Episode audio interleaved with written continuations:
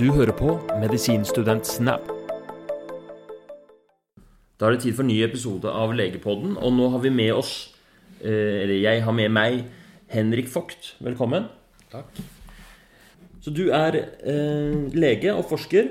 Mm, Jeg jobber på Senter for medisinsk etikk nå med en postdoc. Mm. Eh, Den er formelt 65% og så har jeg en eh, 50 Ok. allmennlegestilling på en fastlege som fastlegekar i Oslo. Ja. Så 115 til sammen. Ja. Er det typisk for deg at du er Jeg er eh, 5 på allmennmedisinsk forskningsenhet i Trondheim. Ok, så 120 120 er maks av det du får lov til. Nemlig. Er det typisk for deg at du er eh, 120 Det er iallfall typisk for meg at jeg har mange ulike interesser jeg forsøker å få til å gå i hop. Mm. Hvor, hvor, hvordan var du som student? Var du like medisinstudent, liksom? Var du like mm, eh, engasjert og mm, aktiv da? Jeg var sikkert engasjert, men jeg var jo Jeg har jo sluttet på medisin to ganger. Oi! Jøss. Så jeg startet jo på medisin i 1997. Det er kjempelenge siden. Eh, og så slutta jeg etter et år med litt sånn usikkerhet rundt om jeg kunne trives med dette, men også en slags bekymring over hva slags fag dette var. Og, og et stikkord der var liksom medikalisering, eh, som jeg eh, som jeg har tatt med meg som en eh, over, overmedikalisering, som jeg har tatt med meg som en sånn interesse i, i forskningen også senere. Jeg leste liksom Ivan Illich i en alder av 1920. Det er ikke bra, vet du. Hva er, Så Ivan Illich, er det noe Hva er det for noe? Ivan Illich har skrevet, skrevet en bok på 70-tallet som het uh, 'Medisinsk nemesis'. Ok. Som er en bok som uh, måtte tar for seg uh, noen eh, samfunnsmessige skadevirkninger av medisin. Nemlig. Så du kom inn i medisinstudiet med um, som en Med en voldsom skepsis. Ja. Minner meg om em, Minner om eh, Jan Ivar Røsberg, psykiateren. Han har også vært på podkasten. Han startet på medisinstudiet med en homopatibakgrunn. At han hadde utdanna seg innen homopati og kom fra en sånn alternativ medisinfamilie. Så, men du kommer inn da med eh, Det gjorde ikke jeg da jeg kom fra en legefamilie ja, i tredje generasjons. Tredje generasjons legefamilie. Ja, best, best, Bestefaren min var professor i endokrinologi på Aker. Og faren min var eh, overlege i mikrobiologi på Ullevål. Ok, så det var ganske sånn eh, tradisjonstungt eh, Ja, ikke sant? Du, du faller i det hullet som er mest nærliggende. Det, det som, det som Men- er nærmest deg. Var det et slags sånn der, opprør mot foreldra dine òg, da? Det at du liksom Dette faget er eh, Vent litt nå, liksom? Eh, nei, min far, i motsetning til min bestefar, så var min far ganske skeptisk til medisinen og syntes det var trivielt, eh, som han sa. Eh, Trivielt? og eh, ville vel heller at jeg skulle gjøre andre ting. Eh, så jeg, jeg fikk rom til å prøve det ut. Og etter et år så satte jeg meg Gikk jeg ned på fakultetsledelsen og sa at jeg slutter. og, Yes. og han satte meg på lesesalen på Histfil med en nykjøpt historiebok og leste om franske revolusjon. Yes. For da tok jeg historie. Begynte på historie. Kult. Dette var i 1990 Det blir vel 1998, det, da. Og hvordan gikk det, da? Hva syns du om historie? Fantastisk. Pass, ja, Det passa deg bedre? Passet bedre og passet bedre, men, eh, men det var i hvert fall interessant og veldig definerende. Jeg endte opp med en, et mellomfag da, først i, i profesjonshistorie, som jeg studerte velferdsstatens frembrudd, på en måte. Profesjonshistorie, hva bruker man det til? Nei, det er, en, det er jo et, det er egentlig et felt som går her liksom i skjæringspunktet mellom sosiologi og statsvitenskap og historie og eh, flere fag. Eh, kunnskap og makt heter det. Det handler om hvordan, hvordan den eh, kanskje litt skjulte makten i vårt velferdssamfunn er eksperten. I denne sammenhengen med korona nå FHI er typisk. ikke sant? En maktbastion. Nå litt vingeklippet, og noe makt overført til Helsedirektoratet, som man har sett en sånn litt, litt spor av i debatten. Ja. Eh, men eh, men eh, det er eksperter innenfor eh, FHI og Helsedirektoratet som har makta i dag, i veldig stor grad. Kunnskap og makt. Så det handlet om, handlet om, om, om eksperter som, makt, som, som maktfaktor i samfunnet. Kult. Kan, fordi det ser man jo også litt sånn forskjell på eh, i landet. Akkurat det der med hvem som har makten. Eller det virker som det er litt annerledes i Sverige, hvor eh, Tegnell, som liksom virkelig er eksperten, kanskje får styre politikken i større grad enn i Norge, hvor det er Bent Høie som eh, i hvert fall er på pressekonferansene og, og Er det en riktig oppfatning, eller? Ja, det tenker jeg. Eh, I hvert fall er det det sånn jeg leser det. At uh, Sverige, ut fra den, den historiebakgrunnen jeg har, ser jeg på som liksom kanskje arketypisk på et samfunn som er ekspertstyrt. da, Som virkelig har tatt det ut i det mest ekstreme. Eh, og mange måter positivt, da. Men, men enda mer enn Norge har et sånt top down ekspertsamfunn. Eh, som kanskje sammenfaller med en kanskje litt større elitisme i, i, i Sverige enn i Norge. Litt mindre, litt mindre flate maktstrukturer. Sånn at eh, den derre folkehelseeksperten som liksom styrer alt, Ja, det er ganske typisk Sverige. Spennende. Men hva var det som gjorde at du vendte tilbake til medisinen, da? Eller hvordan, hvordan skjedde det? Hvordan skjedde det? Eh, jo, jeg eh, Jeg studerte altså historie, eh, litt grann filosofi. Og så begynte jeg i en, eh, en lokalavis som heter Akersposten eh, i, i 2000. Og så begynte jeg Aksjeposten? Akersposten. Akersposten. Ullern Avis Akersposten. Ja, ja, ja. Eh, og så begynte jeg på Journalisthøgskolen i 2000. Og så gikk jeg der i to år. Og under den tiden så begynte jeg i Aftenposten. Eh, jeg hadde jobbet litt i Dagbladet også. Og så jobbet jeg litt i Aftenposten. Eh, og så hadde jeg egentlig lyst til å bli journalist. Og utenriksjournalist. Jeg var på Øst-Timor og dekket presidentvalget der og sånn. Shit. Eh, da var jeg 22. Og så kom dotcom-bølgen, og så fikk jeg ikke jobb akkurat da. Men jeg hadde alltid tenkt at jeg skulle ta en, eh, en høyere utdannelse. Holdt opp. Det med, med det mener jeg master- eller profesjonsutdannelse. Ja. og så eh, Så søkte jeg på LSI, på Political Science, husker jeg. Kom til min store forskrekkelse ikke inn. LSI, hvor er London School of Economics. Mm. Eh, og så eh, Så da tenkte jeg ok, da begynner jeg på medisin igjen. Og var ekstremt misfornøyd og, og, ambivalent i det. Du må være et, altså et sånn utskudd i forelesningssalen, da. Med Ja, Men da jeg begynte på nytt igjen da, i 2003, så bestemte jeg meg at nå skal jeg pinadø gjøre det 100% Sånn at jeg kan si til meg selv at dette har jeg prøvd ordentlig. Måtte du begynne helt fra starten, da? Nei, jeg, fikk, jeg ble kalt inn til dekanus og sa at hvis du ikke starter nå, så stryker vi det første året ditt. Ja. Jeg fikk kniven på strupen. Så okay, Så så jeg har vært borte i fem-seks år. Ja. Da sa de at uh, det er jo helt ulikt alle andre studier. De, jo, de bruker så mye penger på medisinstudentene, så de vil ha oss igjennom. Ja. Ellers hadde det bare blitt kicket ut for lenge siden. ja. Men jeg fikk krim på strupen, og så begynte jeg. Og så etter det så hadde jeg, slo meg til ro med det, da, på et vis. Men var du da eh, Altså fordi Jeg kan ikke tenke meg at den derre kritiske innfallsvinkelen ble noe mindre av å, å, å studere filosofi og historie og jobbe i journalistikk og, og til og med liksom komme inn litt sånn som et andrevalg. Lite grann. Nei, altså jeg fortsatte jo i Jeg fortsatte jo i Aftenposten på kveldsvakt og sånt under studiet. Og fortsatte å, å ha Mens andre jobbet på sykehus ved siden av, så jobbet jeg i Aftenposten. Sånn at jeg eh, Eller da, først Dagsavisen og så Aftenposten. Og så, så så jeg hadde vel det med meg. Eh, Men i en periode på studiet så tror jeg jeg måtte bare la liksom, medisinen skylle litt over meg, og la, det, la meg drive litt med.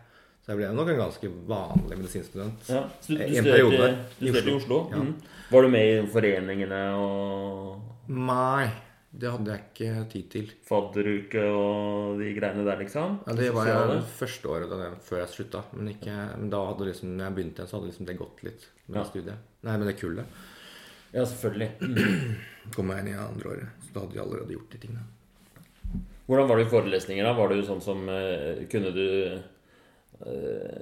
liksom ta rotta på foreleseren hvis de sa noe teit og sånn? Var du sånn type elev, eller var du mer sånn Ja, sikkert mer enn Jeg snittet. bare ser for meg Men, sånn mareritt i tabellundervisningen. tabellundervisninger. men ikke sånn. så veldig, tror jeg. Nei. Tror jeg håper jeg klarer å begrense meg litt sånn. Syns du det var bra undervisning, da? Var du fornøyd med Hva syns du om studiet? Hva syns jeg om studiet? Nei, i store trekk så er det jo bra, det. Eh, Vi kunne sikkert diskutert det. Kanskje vi skal bare diskutere korona?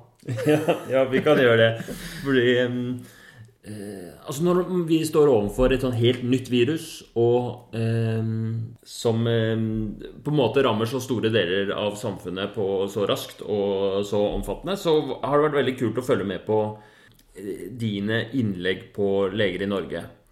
Og også på din egen Facebook og i Aftenposten og altså, Eller hvorfor har du tatt på deg så mye ansvar for å formidle om korona?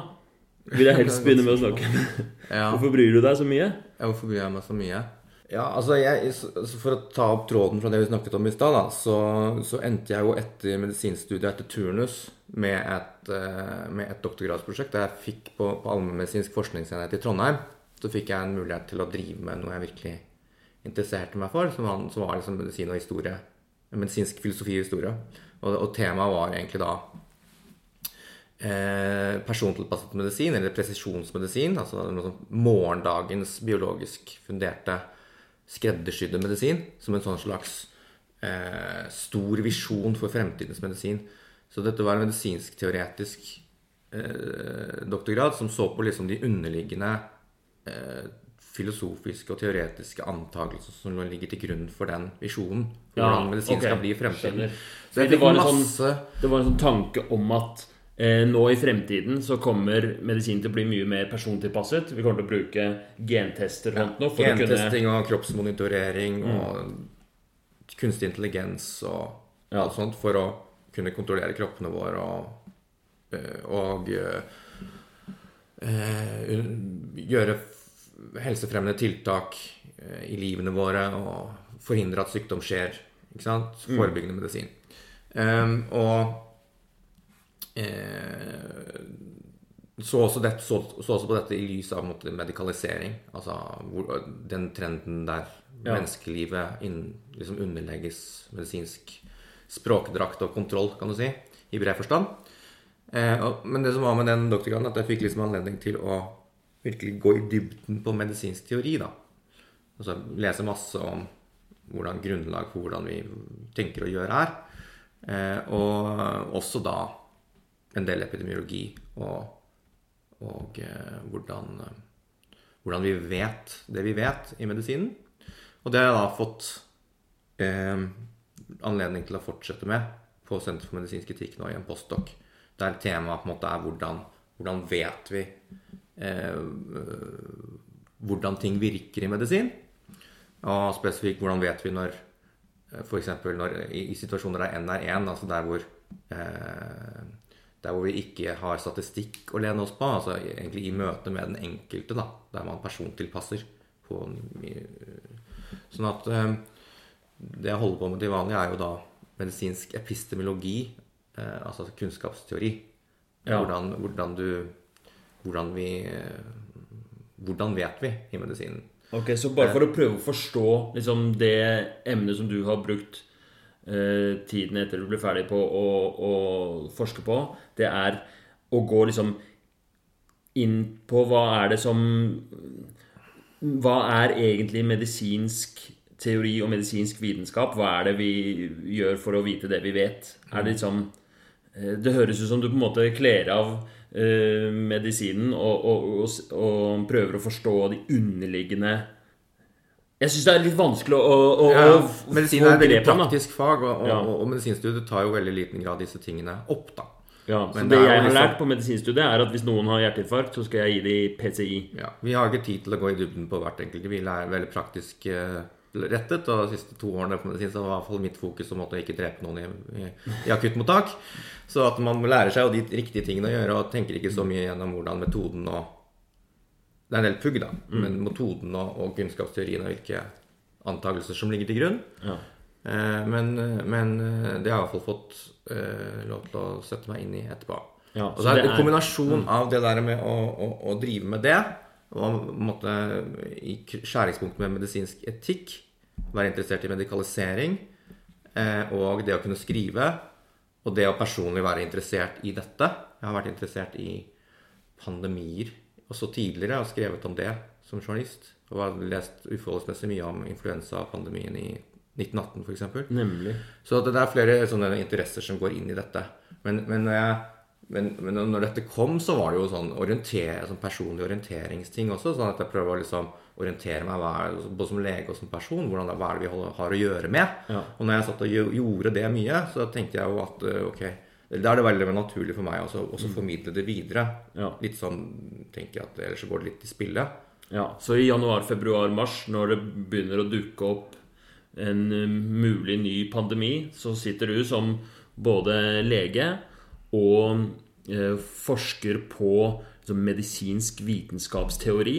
Og i tillegg så er du en pandeminerd. Ja, litt sånn. Med eh, å ha jobbet som journalist og, og studert historie og, Ja. og har interesse for liksom, statsvitenskap og globale ting. Så det er jo egentlig the perfect storm for deg, det her. Ja, og da blir det litt sånn man må få bidra med det man kan, da.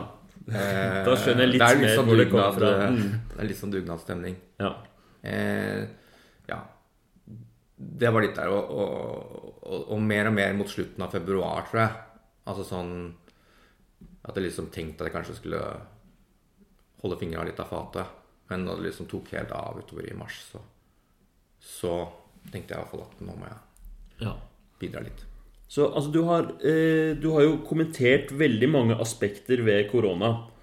Um, og det er mange eh, og det er, Jeg syns det har vært veldig interessant å, å, å følge med på. Men skal vi gå gjennom noen av de eh, Noen av de temaene hvor det kanskje er eh, har vært feiloppfatninger, og, og, og som du har liksom satt deg grundig inn i. da Hvis vi f.eks. kan begynne med, med covid-19 og dødelighet. Eh, hva er det liksom som har vært eh, mest sånn feiloppfatninger rundt det? Og hva er dine tanker om Eller hva er det du har funnet ut? Eller eh, hva er det vi vet egentlig om dødeligheten til korona, sånn som det er nå? Ja.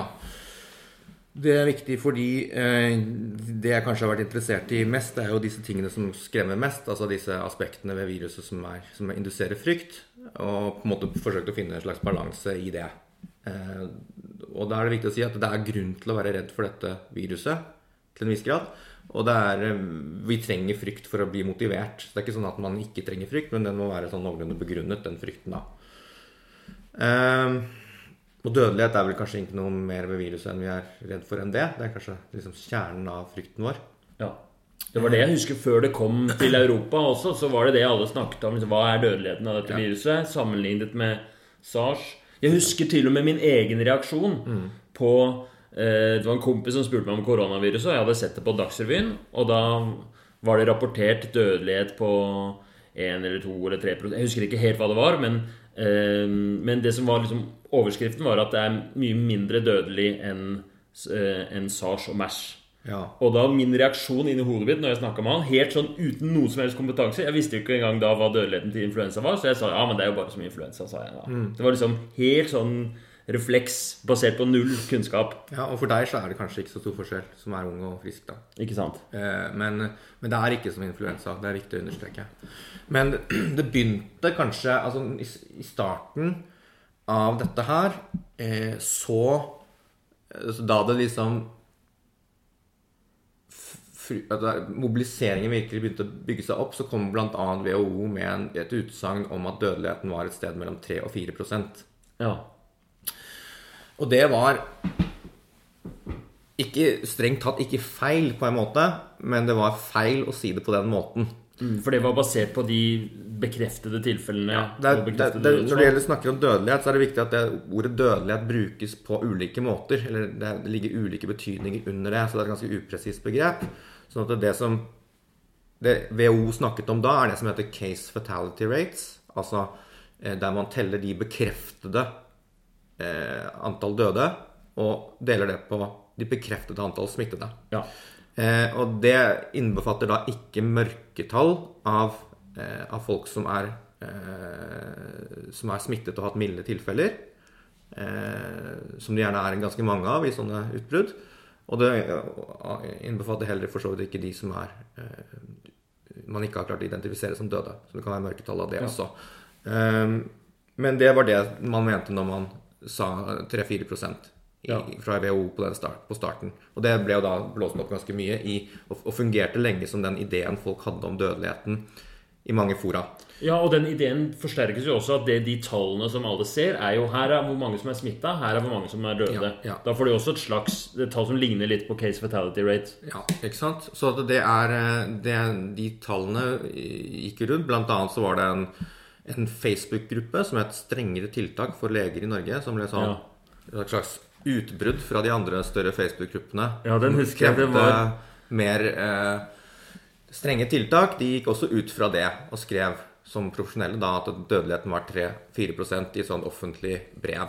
Jeg husker det jeg syntes det var så ubehagelig med den gruppa, var at jeg ble invitert til den, og så var det jo spennende å gå inn på den og se, for de linket jo masse spennende artikler der inne på den gruppa, og brev fra Italia. Føltes ut som man var veldig tett på nyhetsstrømmen liksom der inne. Men samtidig så følte jeg at hvis man var med i den gruppa, så ble man plutselig politisk aktiv og støttet et Ja. sånt uh... kan, eh, jeg tror vi ikke skal gå lenger inn i det, men, eh, siden de ikke er her for å forsvare seg. Men, eh, men eh, Men i hvert fall Det var feil. Jeg syns det er feil å fremstille overfor folk at dødeligheten av dette viruset er 3-4 fordi det folk spør seg når de, når de Det eneste folk er interessert i da, er hvis jeg får dette viruset, hva, hvor farlig er det for meg? Eller for mine nærmeste. Det er folk, det folk er interessert i. Og hvis man sier at gjennomsnittsfaren er 3-4 da, så er det er feil.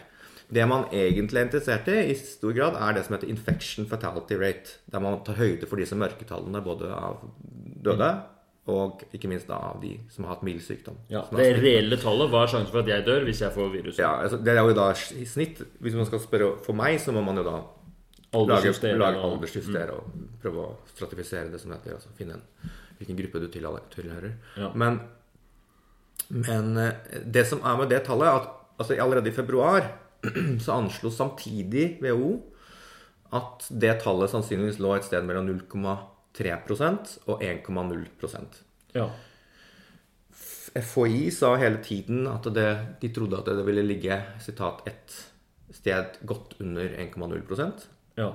Så dette var tidlig i forløpet. Altså, dette handler ikke egentlig om etterpåklokskap. Dette var dette Ja, er det de sa da. da Ja, for jeg husker ganske tidlig at det kom et sånt FHI-tall 0,4 Mm. eller noe sånt nå på et eller annet tidspunkt. Og som jeg stusset litt over, fordi det var så, pass, det var så mye lavere enn det man kunne se ut ifra de bekreftede tallene. Men det Ja. Og, og så kom det da noen Og det er jo flere som har, eh, som har gjengitt sånne case fatality rates som, som anslag for hvor dødelig viruset er.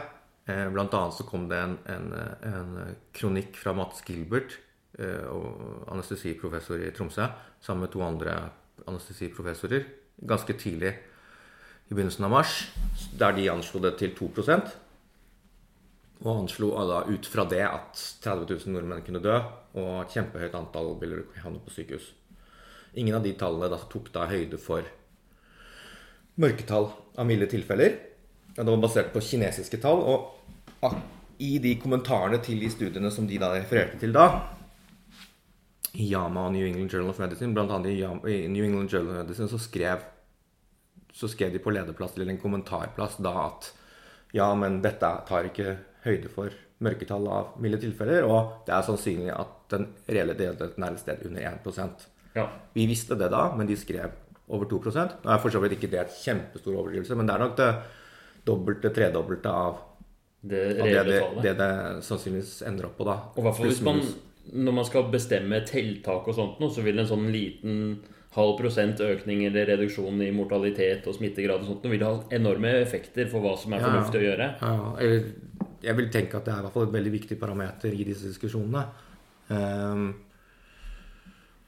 det har tross alt noe å si om det er 10 000 eller 30 000 som dør. Altså, Ja.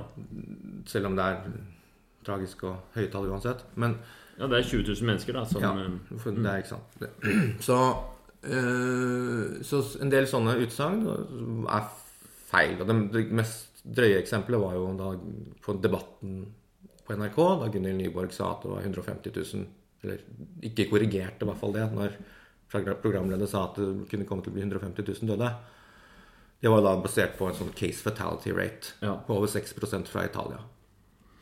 Og, Eh, ja. mm, bare sånn at det er helt klart at hvis man bruker case fatality rate som et mål på hvor farlig sykdommen er, så vil det bli feil, fordi case fatality rate baserer seg på de ehm, Det som er på en måte nevneren i det regnestykket, er antall mennesker som har blitt eh, diagnostisert med sykdommen. Og alle de menneskene som kanskje får sykdommen, men som ikke havnet hos legen, som ikke fikk tatt en test, hadde bare en slags forkjølelsessymptomer og eh, levde livet sitt videre, som vi ikke får vite om, de er ikke med i beregningen. Og vi vet ikke hvor mange de er, så det, eh, hvis man bruker det case fatality rate, så vil sannsynligvis tallet bli for høyt i forhold til Ja. infection fatality rate. Ja. Man skal også ta høyde for at det, kan være dø mørketall av døde, og det ser man nok nå også at det er. Ja. Eh, Men altså folk som ikke blir registrert når de dør av dette, så det må man ettergå i ettertid. Men som hovedregel så vil det case fatality rate være mye høyere enn den egentlige dødeligheten. Og det er rett og slett fordi det ikke er representativt for Altså, de som er bekreftet syke, er ikke representative for hele befolkningen. Ja. Hva, um, hva er infection fatality rate for korona, da? Hva er det vi vet? Og bare for å ha det perspektivet på plass Vanlig sesonginfluensa har en dødelighet på 0,05 til 0,1% ca. Ja. Eh, så i store trekk så er vi akkurat der eh, hvor WHO sa vi var i februar. Altså sånn et sted mellom 0,3 og 1% Stort sett. Eh, det er kommet Det kan være kontekstavhengig. Ikke? Dette er ikke bare, det er ikke noe sånn Det er ikke noe infection fatality rate som vil gjelde overalt.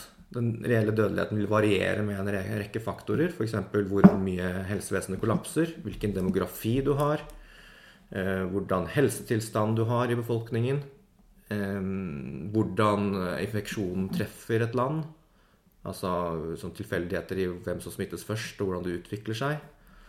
Eh, ja, om du, om du klarer å holde smitten unna eldre sykehjem, som er der dødeligheten er klart størst. da. Um, flere andre faktorer. Det er én ting som jeg lurer på, som jeg har, eh, eh, har snakket med eh, overlege på akuttmottak, og jeg har snakket med eh, Dag Beril, som er infeksjonslege. For jeg har spurt om hvor stor, eh, eller hvor stor betydning har em, virusdose, liksom eksponering Hvor, hvor mye virus blir eksponert for Ja. i, i Det har jeg også vært veldig interessert i. Altså, det vites jo ikke sånn veldig tydelig Altså, noe Det er sånn Det er en av faktorene jeg er enig i, at det, hva som har noe å si for den enkelte. Men jeg tror ikke det vil ha så mye å si på befolkningsplan. Nei. Er Nei, men- nemlig, fordi men, men, der eh, vil det bli en slags utjevning. Men man kan jo tenke seg at også på befolkningsplan La oss si at eh, et samfunn eller et land eller en by blir rammet veldig hardt samtidig. Så vil eh, vil det plutselig bli kjempemange som eh, smitter hverandre. Og når man da blir smittet, så blir man ikke smittet av bare én person, men av flere personer. det kan være mønstre i hvordan, eh, hvordan det spres i et land, og hvordan hygienen er, f.eks. hvilke tiltak befolkningen gjør. For at man kan tenke se for seg at hvis man er flink med hå- håndhygiene, sånn, så kan dosen virus man blir eksponert for, selv om man blir eksponert, så blir dosen mindre. Fordi man, folk fikk vasket bort litt av virusmengden på hendene Ja. sine, f.eks. Så det kan være noe mønster og sånn, men jeg tenker ikke på det som en sånn mest forklaring forskjellene mellom land. Men, eh, men det er i hvert fall et interessant, et interessant punkt som vi kanskje ikke kan snakke mer om etterpå. Men i hvert fall noe som skal forklare altså Hvor er vi? Du spurte hvor er vi i med hvor dødelig dette egentlig er. Ja, Så det tallet 0,3 til 1% Eller 0,2 kanskje til 1% det vil ikke eh, det- er ikke en sånn fasit for viruset, fordi det er så mye som spiller sammen med viruset, som helsevesenets tilstand, Ja. helsetilstand i befolkningen, f.eks. Italia. En kjempegammel befolkning, Ja, det- folk bor tett. Ja, så, så, så, så total dødeligheten kan reelt sett variere innenfor dette spekteret, kanskje da, ettersom hvilket sted du er. Ja. Eh, Men, men eh, Altså eh, Man fikk jo altså Spørsmålet om å finne ut det der eh, empirisk, hvor stor dødeligheten er, har jo å gjøre med at man må forsøke å kartlegge disse mørketallene. Og en måte å gjøre det på er jo å, å undersøke antistoffer i befolkningen. Altså antistoffer er noe immunforsvaret lager mot viruset. Så hvis du finner igjen det i blodet til noen, så er det et tegn på at denne personen har vært i kontakt med eller gjennomgått infeksjonen. Ja, Så hvis du finner antistoffer i blodet mitt, så da kan jeg vite at jeg har hatt koronainfeksjon. Ja, med stor sannsynlighet. Ja. Eh, eh, og eh, de første studiene der begynte jo å komme for noen uker siden nå. Eh, og de kom først Noe av det første som kom, var Danmark.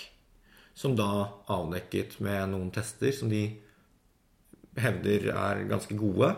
eh, altså ikke for mange falske positive. Altså, de- Testene må ha god spesifisitet, eller så blir det masse falske positive som ser ut som de har hatt det Ja. men som ikke egentlig har hatt det.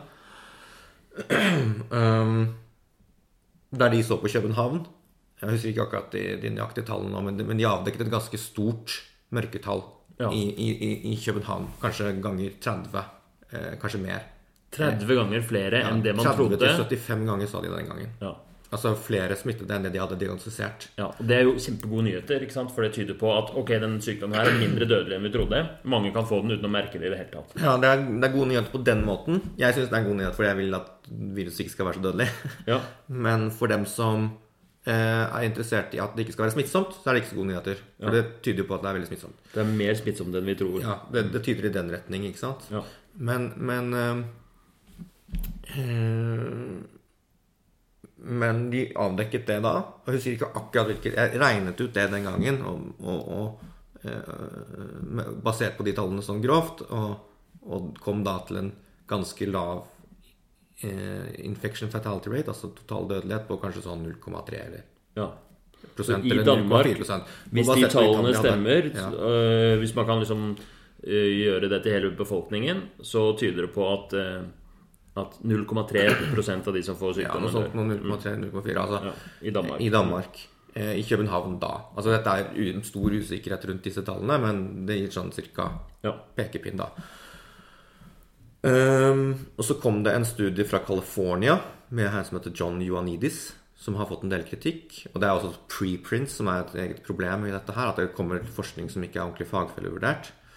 Men han, hans eh, gruppe, en forsker, ganske kjent forsker fra, fra, fra Stanford, universitetet i California, eh, som egentlig er en sånn slags evidence-based medicine-guru, Ja.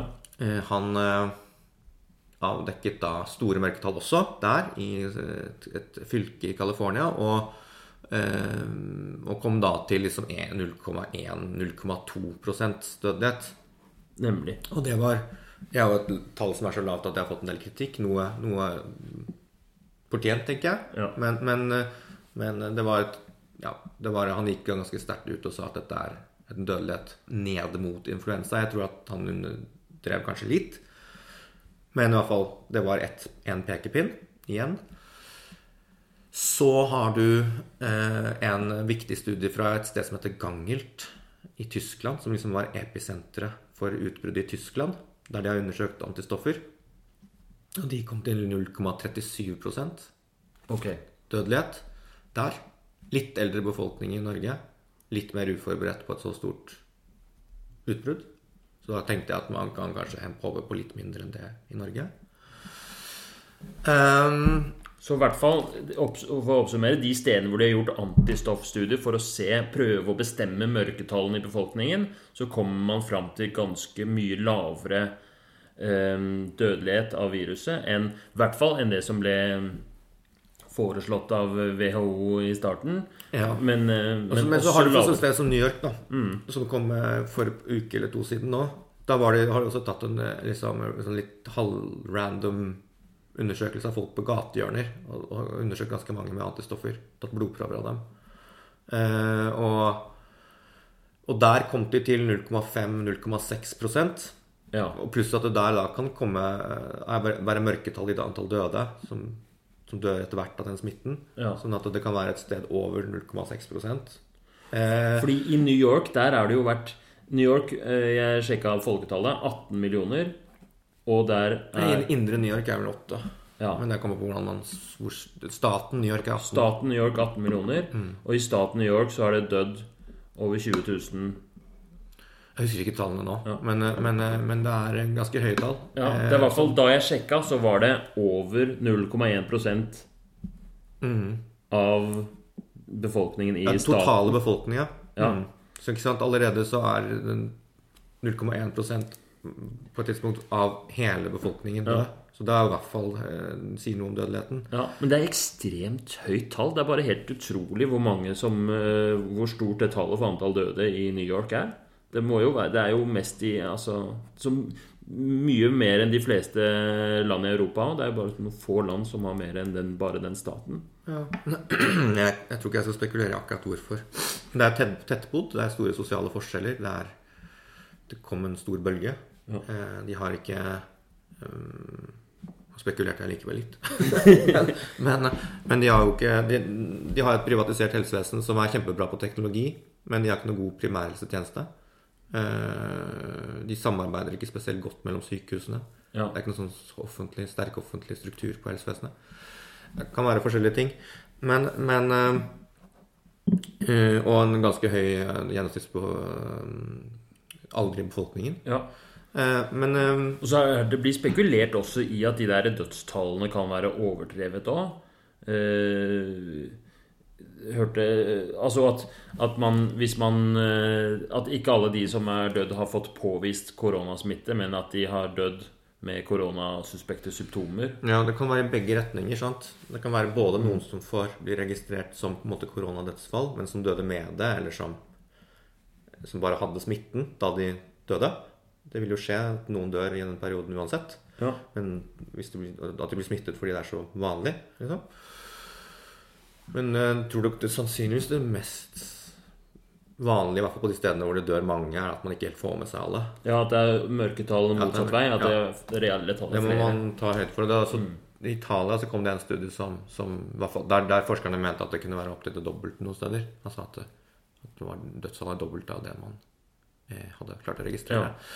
Men for å fullføre, da, så i hvert fall det er den høyeste antistoffstudien til nå. Mm, Eh, det, I, i, New York, som liksom var 0,5-0,6, og så det kan kanskje bli litt høyere, krype oppover. Litt, ja, 0,7-0,8 og sånt. eh, og så har du eh, noen andre typer studier, som er sånne modelleringsstudier, der det ikke er liksom, empiriske funn fra antistoffundersøkelser, f.eks., men at man bruker ulike andre data og, og matematiske modeller. Eh, Da var det én fra Italia. Man har ingen antistoffstudier endra fra Italia. Det er veldig dumt, eh, for der har det vært så hardt rammet. Men, men eh, der var det en matematisk modellering. Der kom de til minst en dødelighet i Lombardi, den regionen i Italia som har vært hardest rammet, som er på, var på minst 0,8 ja. Um, og, og så er det viktig å si at det, den, et sånn forskergruppe fra Imperial College som kom med en rapport i, i, i mars, som var veldig sånn, viktig for at folk gikk i lock- lockdown og sånn pga. smitte. Så for seg en Ja. stor smittebølge. Ja, fordi det var et sånt der skille der at det var ganske mye sånn eh, politisk eh, beslutninger om at eh, vi skal gjøre sånn og sånn, og vi må vente med tiltak. Og så kom den rapporten fra Imperial College, og så var hele Europa Ja, spesielt i. England og USA snudde da. Ja. Det var veldig stor makt den rapporten. da. Men, da, men den rapporten inneholder også et, et sånn gjennomsnittsdødstall som de estimerte da på 0,67 eller 0,66 Ja. Så det var liksom kanskje det beste tallet en stund. Før disse, før disse rapportene, antistofftallene, kom. Ehm, så liksom Før i går så var liksom 0,8 det høyeste som jeg hadde hørt Ja. eh, av liksom disse estimatene. I går så kom det en, eller denne uken så kom det en rapport fra denne Imperial College-gruppa. En ny rapport der de ser på Italia, som har vært litt omtalt i mediene nå. Eh, der de spår en sånn ny, kraftig bølge og mener at veldig få har blitt eller ja. overraskende få har blitt eh, infisert, da. Eller hatt viruset i, i Lombardi. 13 bare. Eh, og ja og, den, den, og der, der, har, der kommer de med en sånn infection fatality rates på 1,0 til 1,3 for hele Italia. Det ble jeg ganske overrasket over. Eh, fordi det liksom er vesentlig høyere enn enn eh, disse andre estimatene.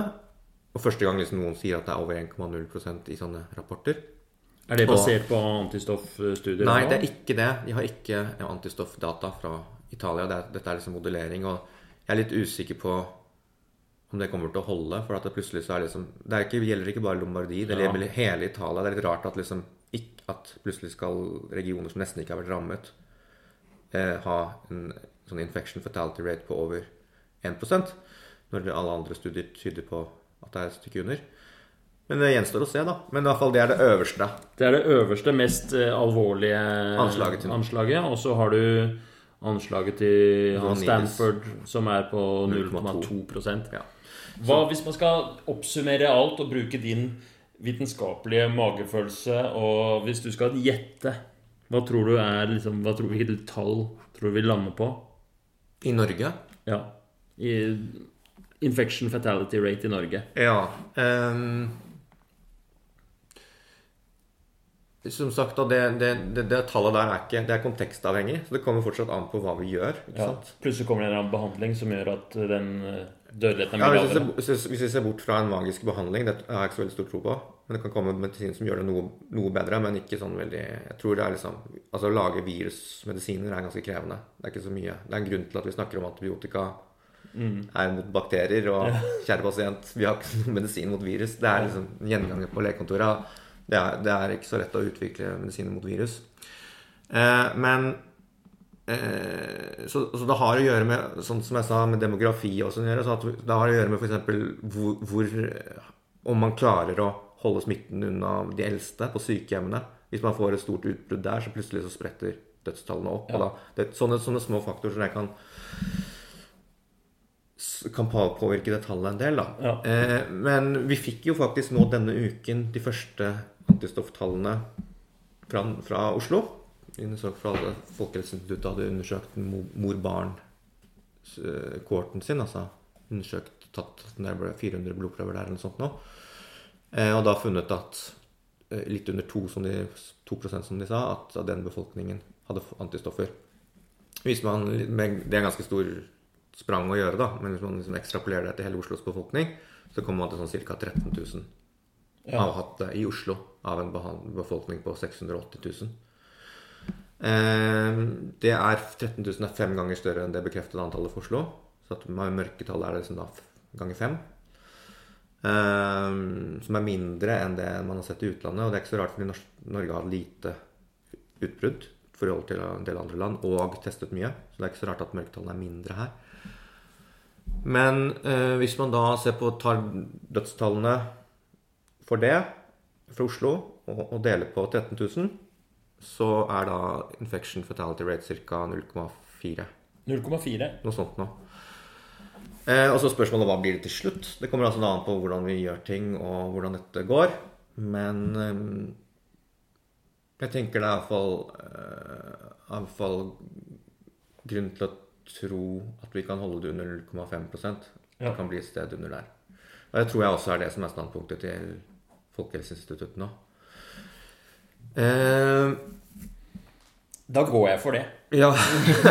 I min Men- daglige omgang. Ja, men, men eh, det er altså fortsatt usikkert. Men, men, eh, men det er, man, hvis man ser på dødstallene og antistoffstudier Det er kommet en antistoffstudie fra Stockholm også som kan tyde på at det er litt over 20 i hvert fall for en uke siden eller noe som har hatt infeksjon der. Det er mye mer. Ti ganger mye mer enn i Norge, Oslo, Ja. da. Eh, og de har da altså ti ganger større dødsfall. Så og det, hvis man ser på det tallet, så er det også sånn ca. 0,4% i Ja. Stockholm. Eh, så Ehm, Det, jo, så- det sånn blir jo cirka- mer presist, blir det ikke, når du har en, altså et tall som er eh, 20 er, vil automatisk være mer presist enn falsk er 0,2 for det der lave tallet er mye mer sårbart for falske positive. Ja, Og, Men at den, den undersøkelsen fra Stockholm den er ikke så representativ, for den ble gjort fra helsepersonell. ok, ja. Så regner man med at helsepersonell kanskje er litt mer tendens til å bli smittet enn andre. ja, det vil jeg tro. Ja, men, men husk på at det har vært så vanlig i Stockholm at det, Ja, det er ganske usikkert hvor de har blitt smittet, om det er på jobb eller i Ja. privaten. Men, men, eh, men eh, dette var også da to uker siden, ikke sant? Så at, eh, ja. Men, men i hvert fall så kommer man omtrent der der også. Eh, så ja, det er omtrent der landet ligger. Ok, Men da føler jeg at jeg har lært en del om mortaliteten. Så nå har jeg litt mer, og, mer kjøtt på beinet hvis jeg skal diskutere det i lunsjen neste uka. Bare så det er sagt, vi spiller inn denne episoden søndag 10. mai. Sånn at eh, Sånn i tilfelle folk lurer på hva vi mener med i går. Um, hva med sånn fare for alvorlig sykdom, hvis man ser bort ifra eh, Det er ikke bare dødeligheten til et virus som er farlig. Det er jo kjipt hvis man eh, får senskader, eller hvis man blir alvorlig syk og blir satt ut av spill i mange uker. Altså mm, Der også har det jo vært så mye forskjellig eh, informasjon. Hva, hva, hva har du lært om det?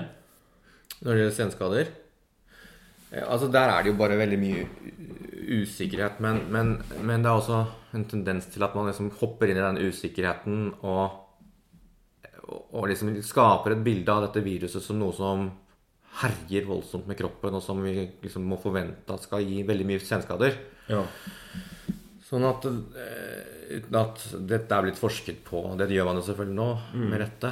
Men, eh, men, eh, men det som jeg har forsøkt å kanskje korrigere litt eh, med, med det, er jo at det foreløpig ikke er Det er liksom ikke grunn til å tenke at dette er et mer senskadende virus enn enhvert annet virus eller mikrobe som kan gi alvorlig sykdomsforløp.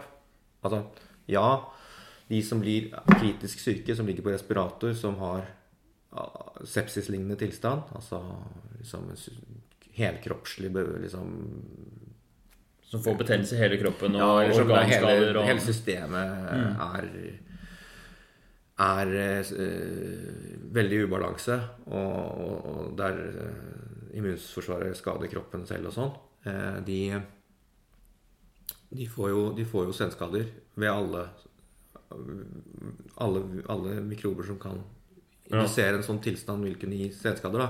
Hvis du havner på respirator pga. en eh, pneumokokkinfeksjon, så får du senskader av det Så kan du også få senskader av det, eller hvis du får sepsis av en, en, en annen mikrobe, så er det også fare for det. Eh, Det fins studier som har sett på senskader ved alvorlig influensa også. Ikke sant? Sånn at du, du har I den grad at en mikrobe kan gi så alvorlig sykdomsforløp, så, så kan det gi senskader. Eh, og det vil jo da kunne skje mer nå, i og med at det er en såpass stor andel av befolkningen som kan få det. Men det er, det er jo da liksom 1% av de som blir smittet som cirka Altså i det størrelsesorden der, som får så kritiske forløp. Ikke sant? 1% ca. Ja, for I starten så var det ganske mye høyere tall på det antall av de som ble smittet, som havnet på intensivavdeling, og som blir veldig alvorlig eller blir kritisk syke. Ja, det blir jo det samme som for dødelighet. Altså, Hvis man ikke tar med mørketallene, så vil det se ut som veldig stor andel blir lagt inn på sykehus. Ja, Men så det man bare tar de diagnostiserte, diagnostiserte, men de diagnostiserte vil ha større risiko for å legges på sykehus og bli kritisk syke. Sånn at det, kanskje det dobbelte av de som dør, da, eller det tredobbelte, vil være kritisk syke. Ja, Og så dør en tredjedel av dem. ja Eller noe sånt noe. Eh, og så at det er en liten del av, altså, av de som blir smittet, tross alt, som blir kritisk syke. Og så blir det en andel av dem som, igjen som blir eh, Som får se- senskader. Eh, så det er bare liksom viktig å holde det på altså, Sånn at ikke folk tror at hvis jeg blir smittet av dette, så har jeg stor risiko for senskader. For det er liksom sånn Det er fristende journalistisk og sånt å gi en sånn Ja. legge en litt sånn dash med vaghet der. Sånn at dette blir noe som er eh, Som folk flest kan identifisere seg med. for å si det Sånn, da. Eh, og, eh, så at det, det, og der har f.eks. Science så Vitenskapsmagasinet Science skrev en sak som het The Rampage Through the Body. Det høres ikke bra ut. ja, ikke sant? Men det, det fokuserer jo da på de kritisk syke pasientene, egentlig. Ja. Og så overdrev de hvor mange det var. For de tok ikke høyde for mørketallene. Jeg syns det er ganske dårlig av science. Ja. Eh, og så eh, Så det ser litt vanlig ut som det er. Og så, og så blir det en sånn at man går inn i eh, man, man liksom ramser opp alle unormaliteter som er observert i kroppene til de som er kritisk syke. Nyrer, hjerte, troponin i blodet, nyresvikt, kognitive symptomer. Altså ja. man ramser opp alle sammen. Og så blir det en sånn slags litt sånn stille ekstrapolering til at ja, alt dette må jo gi senskader hos den enkelte. Og ja, det kan det, men, men det blir litt som å lese felleskatalogen. Ja, ikke sant? Eh, Det blir alle bivirkninger sånn- i felleskatalogen. Og så, Mm. og så har jeg tenkt at dette gjelder meg, da. Men, men eh, Så det er ikke feil, men det er noe spørsmål om hvordan man fremstiller det, da. Ja. Så ditt viktigste budskap når det kommer til senskader, det er det at eh, Ja, selvfølgelig kan man få senskader av et eh, kritisk alvorlig forløp, men de kritiske forløpene er færre enn man trodde i starten.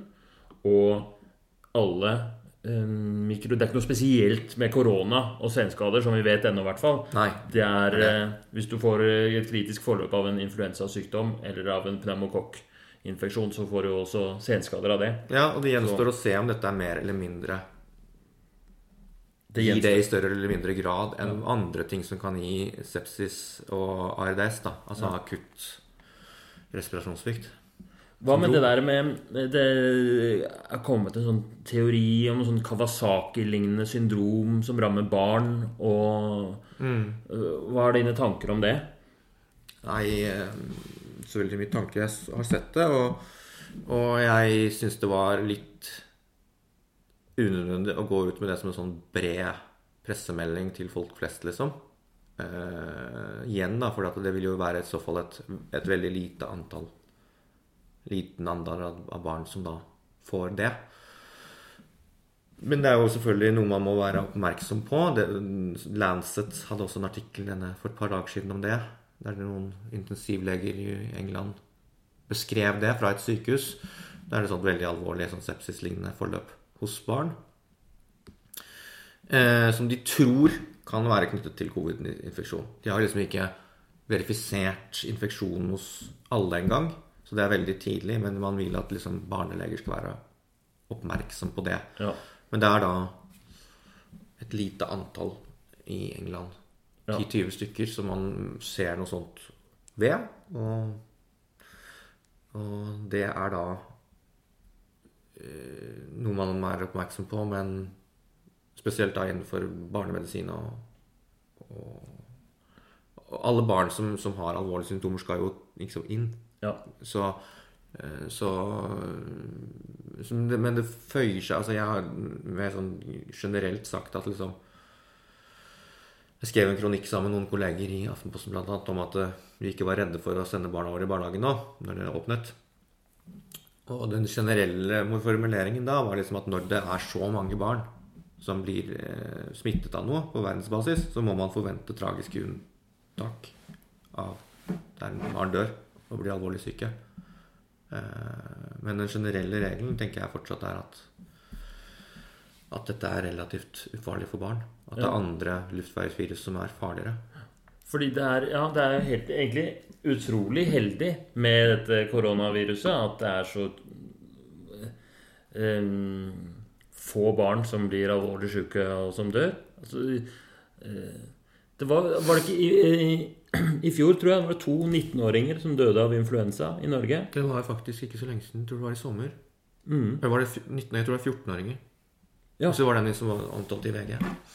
Det var i hvert fall eh, Og det er jo kjempemange sykdommer som er farlige for barn. Infeksjonssykdommer. Altså sånn eh, Hva er det for noe når du får eh, Bronkulitt, bronkulitt? Ja. RS-virus og sånt. RS-virus og bronkulitt og, og det kan være kjempefarlig.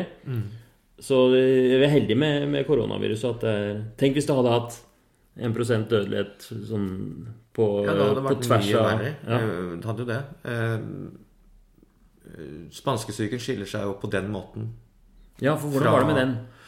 Nei, at det, det, hadde en, eh, det var ikke så ille for barn, men det var nok en del barn som også ble rammet ganske hardt. Men eh, det, det var spesielt den aldersgruppen 20 til 30. Så hadde de en voldsom uh, topp i dødelighet, da, statistisk. Så det var et, en sykdom som rammet også opp i årene, men Men, men, uh, men den hadde liksom en sånn spesiell eh, tiltrekningskraft på den eh, på, altså, rammet den, den gruppen rundt 20-30 år hardere. Det var jo helt forferdelig, for de hadde akkurat gått gjennom første verdenskrig mange steder, f.eks. Så det var plutselig kom det noe etter første verdenskrig som Ja. Tok omtrent like mange liv i den aldersgruppen. Fy søren, tøffe tider eh, starten av 1900-tallet. Altså den første halvdelen av 1900-tallet var Ja, det var ikke tull. Jeg tror nesten de var helt Helt traumatisert. Altså sånn at Ja, Ja. man bare Ok, det også. To verdenskriger og spanskesyken. Nei, det var bare én som hadde skjedd da, da. Ja, 1918. ja, i 1918. Ja, men, men starten av eh, så he- Hele første halvdelen av 1900-tallet. Ja, ja. Du hadde spanskesyken, to verdenskriger, depresjon og Nei, det må være stress. En, en kjip eh, epoke, liksom. Men en ting med barn og mm, Jeg snakket med en, en barnelege denne uka som sa at det var mye mindre å gjøre på barneakuttmottaket på Ullevål. Det er så få barn som kommer inn eh, i forhold til vanlig i en april måned. At det er eh, Har du noen tanker om det? Den derre eh, effekten av og så, Sånn har det jo vært liksom i helsevesenet generelt, da, og fastleger også. Det har du sikkert merka selv, at det kommer mange færre pasienter til kontoret. Ja, iallfall har det vært eh, sånn Nå var jeg pappaperm i begynnelsen av dette. Jeg har bare jobbet i to uker. Oh, ja. men, eh, så jeg har gjort mye annet i pappapermen min. Um, men um, det har nok vært mindre trøkk en del steder, ja. Mange kolleger som rapporterer om store inntektstap og sånt fordi det, det er færre pasienter, da. Men tror du det mm, At det ligger masse sykdommer eh, som ikke er korona, som ligger og, og, og brygger og, og blir mer alvorlige, eller og, skaper helseproblemer som fordi Ja, det er det. Altså Det er jo en av liksom, de ukjente faktorene her, da.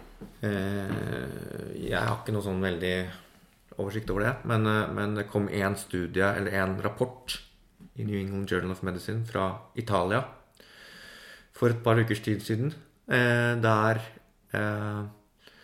der de så på eh, mennesker, antall som ble lagt inn for akutt koronarsyndrom, altså brystsmerter med mistanke om hjerteinfarkt. Eh, som jo er en tilstand som man Som er såpass alvorlig at man skulle tro eller håpe at det ikke gikk ned Ja, i en sånn periode. Selv om det er mye å gjøre ellers i helsevesenet. Men det hadde da vært en ganske betydelig nedgang i hvor mange som ble lagt inn for det. Og man skulle ikke tro at det går inn. Ja, Det høres farlig ut. At folk må dra til legen med brystsmerter, selv om Det det, er de. litt korona. Det må de absolutt. Så, så da hadde de registrert det i Italia, da. Med noen sånne hjertemedisinske sentre der. Ja. Eh, så er det spørsmål om hvor mye det påvirker dødeligheten. For det er jo sånn Det er jo en overdødelighet som er større i disse regionene enn det som er registrert av koronadødsfall. Sånn at det, Ok, hva er det så Vanligvis dør det så og så mange i, i en periode, og så har man sett på hvor mange som dør nå, og det er en ganske stor forskjell. Spesielt der hvor det har vært hardt rammet. Eh, og det er, forskjellen er større enn det som er registrert Ja. koronadødsfall. Så blir spørsmålet okay, hva er dette her Ja, uregistrerte koronadødsfall, eller er det overdødelighet som følge av noe annet? Eh, og da er jo en av teoriene at det kan være at folk ikke tar og søker hjelp for ting de Burde. ellers og burde. Det kan nok være én av faktorene, men det er nok en overdødelighet av korona som ikke er registrert også. Hva, for å skifte litt tema um, Det er en sånn oppfatning i samfunnet, og den svenske strategien baserer seg jo på, på det, at man uh, ved å la Uh, Eller på et tidspunkt så, er, så vil man som befolkning oppnå det man kaller flokkimmunitet. At så mange har vært eh, eksponert for eh, korona at de ikke kan få det igjen, og at vi da liksom er ferdig med denne pandemien. Eh, er det usikkerhet rundt det? Er det mm, Hva hvis man ikke blir immun? Er det noe, vet du noe om det? Kan det hende at man ikke blir immun mot korona hvis man går gjennom det? Ja, for, for det første så er det usikkerhet store sprik i hvor stor andel man mener at eh, må ha hatt infeksjon før man oppnår flokkimmunitet.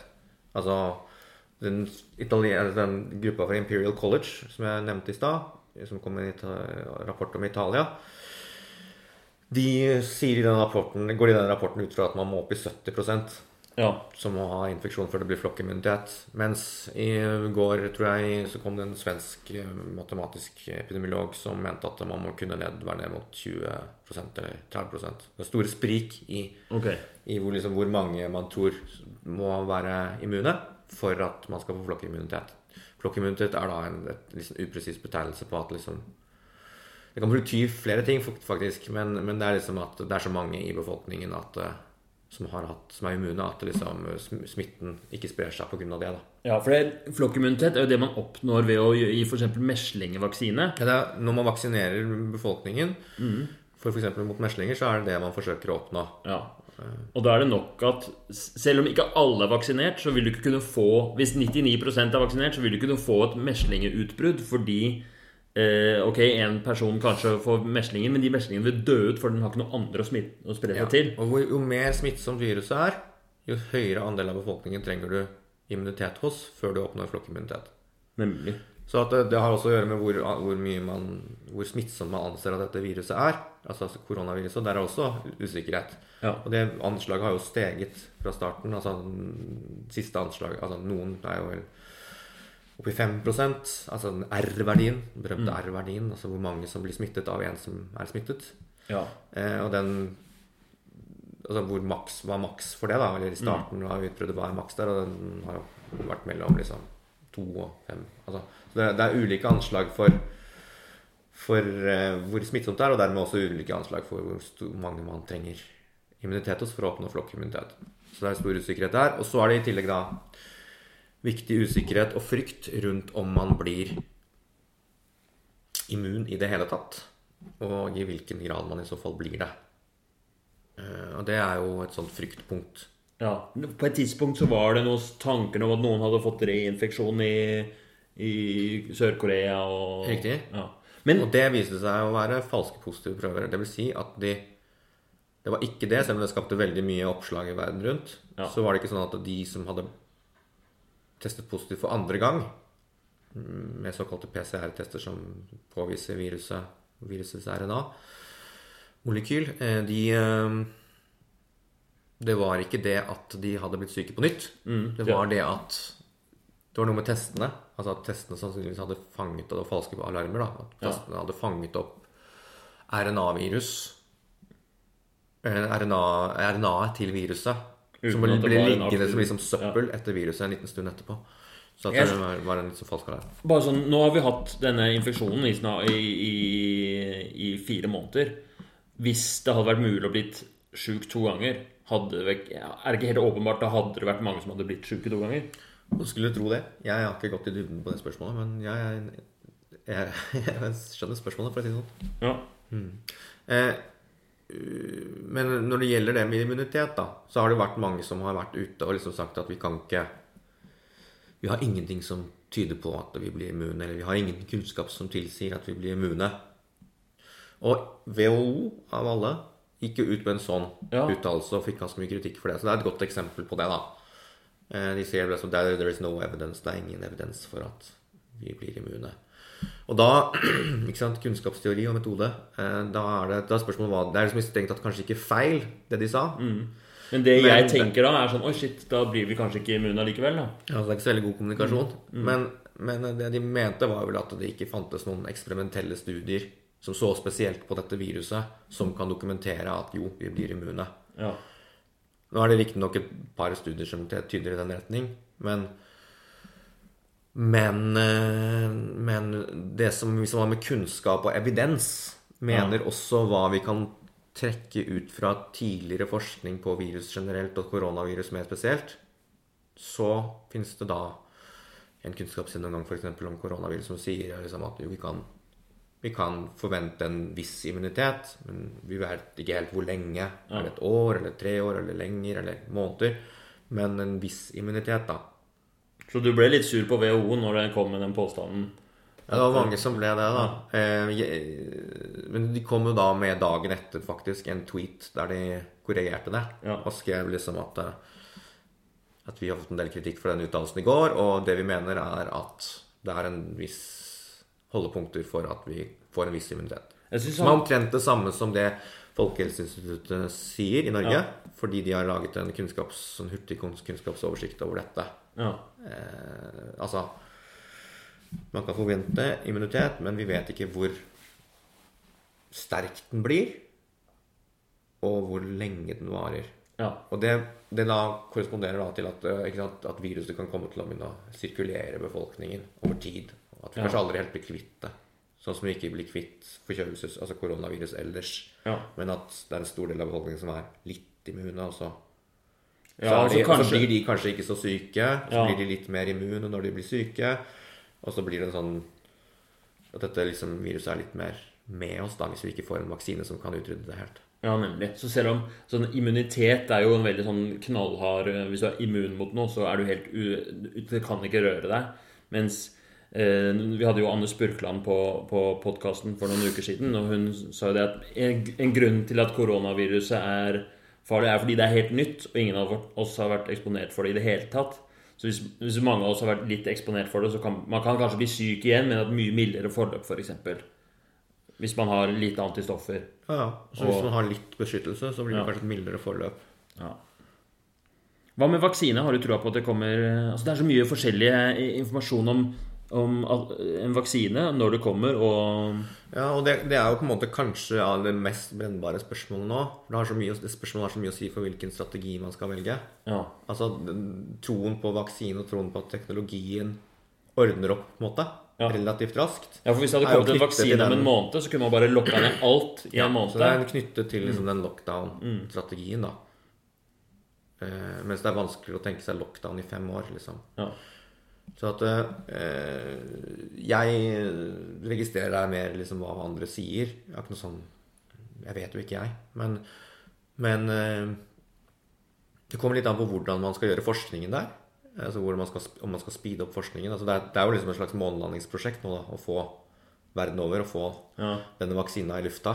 ja, for det er noen briter som sier at de har det klart i august, liksom. Ja, Det er jo grensen mot hype. De har fått veldig mye oppmerksomhet rundt det og skaper mye tro på det. Det gjenstår jo å se. da, De er ikke ikke så veldig langt i forskningspipelinen sin.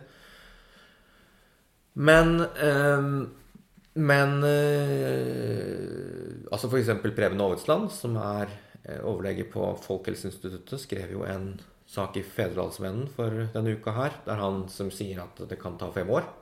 Fem år. Eh, det kan godt hende at det tar kortere. Det er ikke, liksom, det er ikke mitt st- ståsted, men bare som et, en, et, en referanse. Da. Det er flere, det er flere eh, steg man skal gjennom. Eh, og, og jeg tenker jo liksom akkurat som med immunitet, at man må være litt optimistisk og ha Det er en, det er en grunnlag for å tro at en vaksine skal i hvert fall gi en viss immunitet, tenker jeg. Ja. Så at i det første steget kan man i det hele tatt bli immun av en vaksine. Da tenker jeg at man kan være optimistisk i hvert fall. At man kan, det er lov å tro på det. Og det gjør man jo åpenbart siden man setter i gang. Ja. Eh, eh, og eh, og man Første skrittet da er jo å lage en, en, en, en, en, en vaksinesuppe som kan funke. Altså selve produktet. Og det er det jo mange som lager nå. Masse grupper som er i ferd med å lage kandidater til vaksine. Og så skal liksom alle disse gjennom en sånn sil av utprøving Ja. i flere nivåer. Det er det få som skal komme ut på andre siden, hvis noen Ja. som har god effekt, da. For de må teste både at de har effekt, og at de ikke har bivirkninger.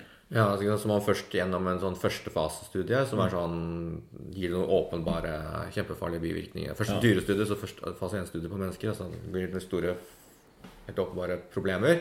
Og sånn fase 2-studie der man tester på kanskje et par hundre mennesker, og så eh, Og så ser man om de utvikler immunitet, om det er noen ønskelige effekter av dette.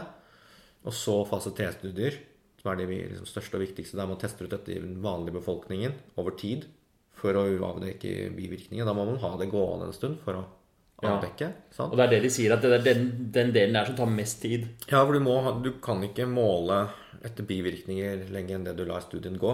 Du Ja. trenger den, studien, den tiden som Du kan liksom ikke se inn i fremtiden heller. Du må, hvis du skal se, kunne dokumentere overfor folk hvilke bivirkninger de ser etter to år, så må du la den gå i to år. Ja. Eller ett år. Så det tar tid, da. Og så skal du, hvis det da viser seg å være bra, så skal du ha godkjenningsprosess. Det går sikkert ganske fort i denne sammenhengen. Men du skal også da ha produksjonsprosess. Og det er jo Nå regner jeg med at liksom, ulike aktører vil legge seg i selene for å få det fort ut. Men det skal liksom lages millioner og milliarder av doser da, Ja. som skal skipes rundt omkring. Og det skal krangles over hvem som skal ha det først. Mm. Land og grupper. Eh, og til sammen så kan det ta ganske lang tid. Altså Jeg vet ikke hvor lang tid. Noen håper allerede 2021. Oversland f.eks. da heller litt kaldt vann i blodet og sier at det kan godt bli liksom 2025. Ja. Eh, og, så det er stor usikkerhet rundt det, da. Kan man ikke bare eh, skippe den fase tre, da? Og bare hvis Ja, Bare det, er, jo- det er jo folk som liksom. nå liksom. ønsker å liksom kutt, etisk kutte noen sånne hjørner. mm. Og prøve det ut på folk som sier at de er Ja. eh, villige til å prøve det ut. Og sånn. Russen, for eksempel. Ja, liksom folk De hadde som, gått med på det. Ja, de hadde sikkert gått med på det. Så ja, det kan jeg forstå. Det er mange som stiller opp allerede. Det er mange som spør folk på via internetten hvor, om det er, folk vi kan stille opp på dette, så renner det jo inn. Så det, det er ikke noe problem å finne folk som er villige til å gjøre det. det er, men det er diskusjoner etisk nå, da, om Ja. det er riktig å gjøre. Uh, ja. Da blir det jo Det er en litt annen måte uh, og ja, Det er vel noen prinsipper i forskning da, som har Mm. dyrekjøpt erfaringer tidligere om at man ikke skal gjøre forskjell på mennesker på den måten. Så, så det er ulike etiske posisjoner som diskuterer nå. Om det skal være sånn Det er kalt en koronaeksepsjonalisme også for dette. Altså Ja. at man skal behandle Siden det er korona, så skal man bryte med prinsippet man har hatt ellers før. At de de samme spillereglene skal gjelde. At man ser på det som noe helt annet. Sånn at eh, man gjør det på en annen måte. da. Var det Den derre svineinfluensavaksinen, der var det en del som ble, fikk bivirkninger som narkolepsi og sånn. Hvor, hvor raskt husker du det? Var den, øh, jeg bare tenkte på det nå, om den, den vaksinen der. Var det litt samme historien da, eller var det Jeg husker ikke når, eh, hvor lang tid det dukket opp etter, men det var i hvert fall sånn at det ikke Tror jeg at ikke studiene fanget opp det i tilstrekkelig grad. da. Sånn at Man har i hvert fall den erfaringen fra tidligere at det er en dårlig idé å, å pumpe millioner av mennesker med en vaksine man ikke helt vet. Ja, ikke sant. Fem milliarder mennesker med bivirkning som er ukjent, som er alvorlig, det er ikke noe særlig. Så, så man vil jo vegre seg for det. Ja. Eh, en ting som eh, har vært debattert, og som eh, du har eh, eh, vært med i debatten om, det er om korona har luftsmitte. Ja. At eh, det har vært en sånn der, ganske sånn bastant føring fra WHO vel om at eh, det er ikke luftsmitte, det er dråpesmitte. ja. Det skal Der er de veldig tydelige i kommunikasjonen i den andre retningen. Um,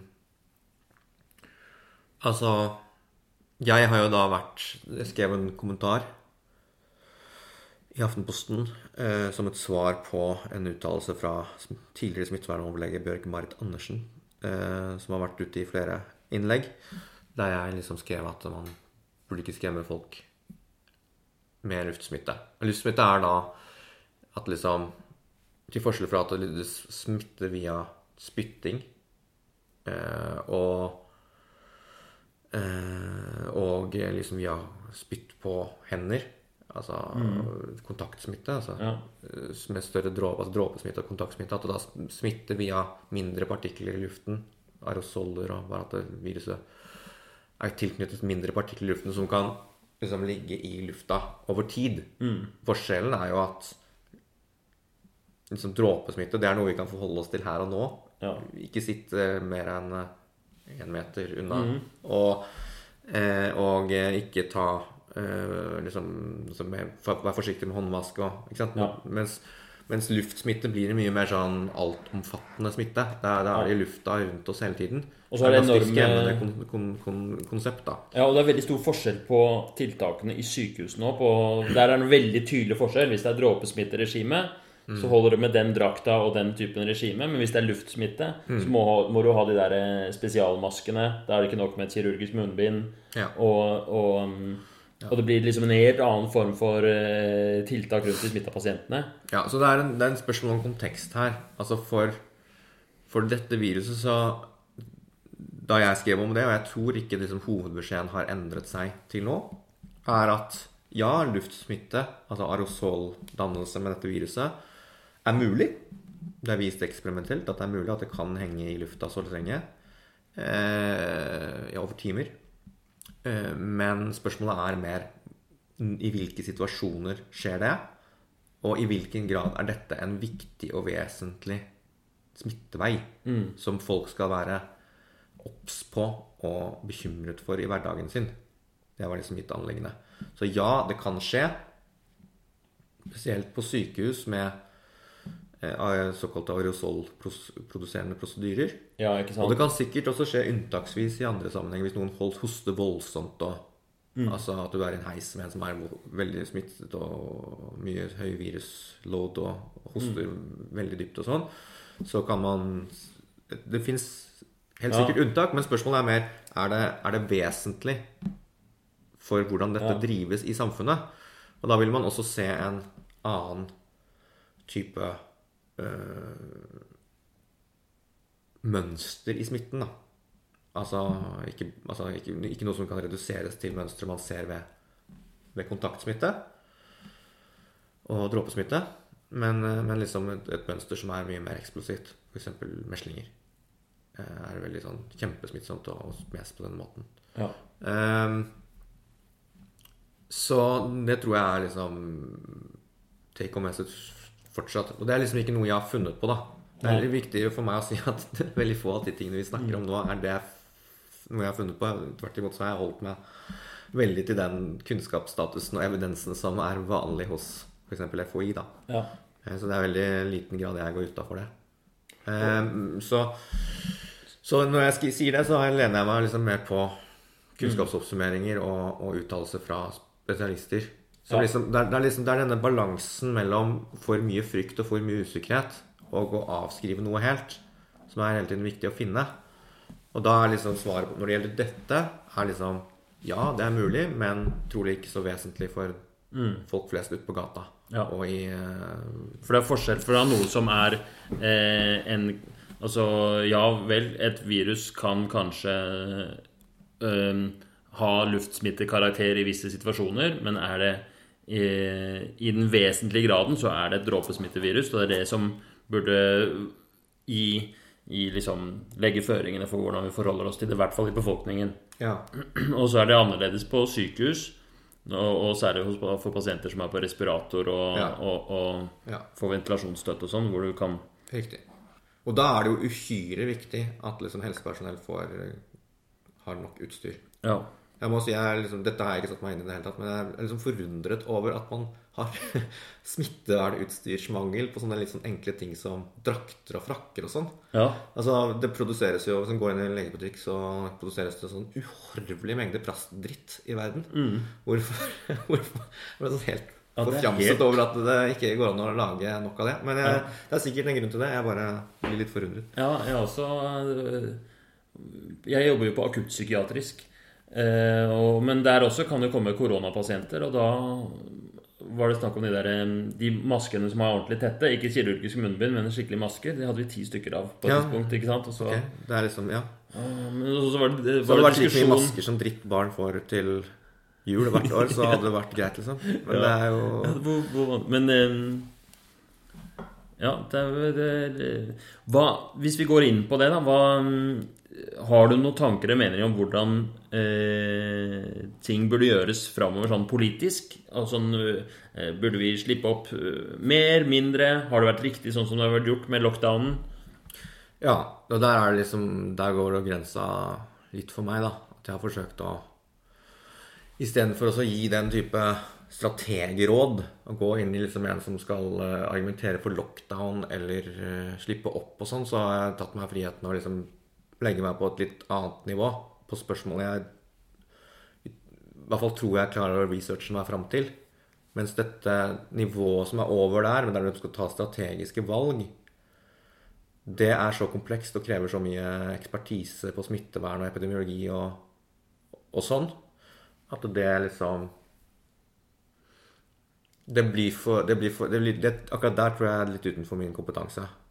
Så at når det gjelder liksom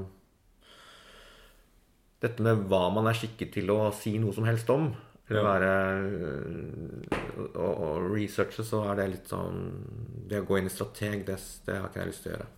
Ja, for det er, ganske, det er lett å si, liksom. Sånn, ja, vi burde nok eh, stoppa flyreiser tidligere, eller et eller annet. Ja. Jeg har gått på masse blemmer med å mene ting om det, men det, det er jo så mye som spiller inn, som man ikke forstår seg på.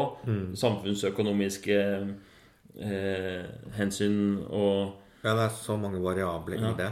det at folk med hjerteinfarkt ikke går til legen fordi det er en pågående pandemi. Ja, Eh, samfunnsøkonomiske sosiale konsekvenser både ved en stort smittebrudd og store dødstall, og eller, eller ved liksom konsekvensen av lockdown.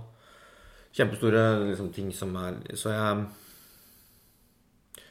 Så da er det lettere å se på Lese opp på siste nytt innenfor luftsmitte. Ja, skjønner. Eh, Du, du har liksom i noen eh, kommentarer og sånn tidligere brukt ordet koronaeksepsjonalisme som en sånn eh, For å forklare litt hvordan vi ser på eh, pandemien vi står oppi nå. Kan du si litt mer om hva du mener med det, eller hvorfor det er eh, noe som er viktig for deg å formidle? Ja, altså det er jo et måten ordet er lagde for, også, for å beskrive noe ved hvordan vi reagerer og fortolker denne pandemien. da. Eh, og eksepsjonalisme betyr jo at man liksom behandler noe som noe Eller tenker om det og behandler om det som om noe som er helt annerledes eller eksepsjonelt i forhold til det vi vanligvis gjør. Og liksom kaster noen prinsipper på, på, til side og, og behandler det som noe eksepsjonelt, da.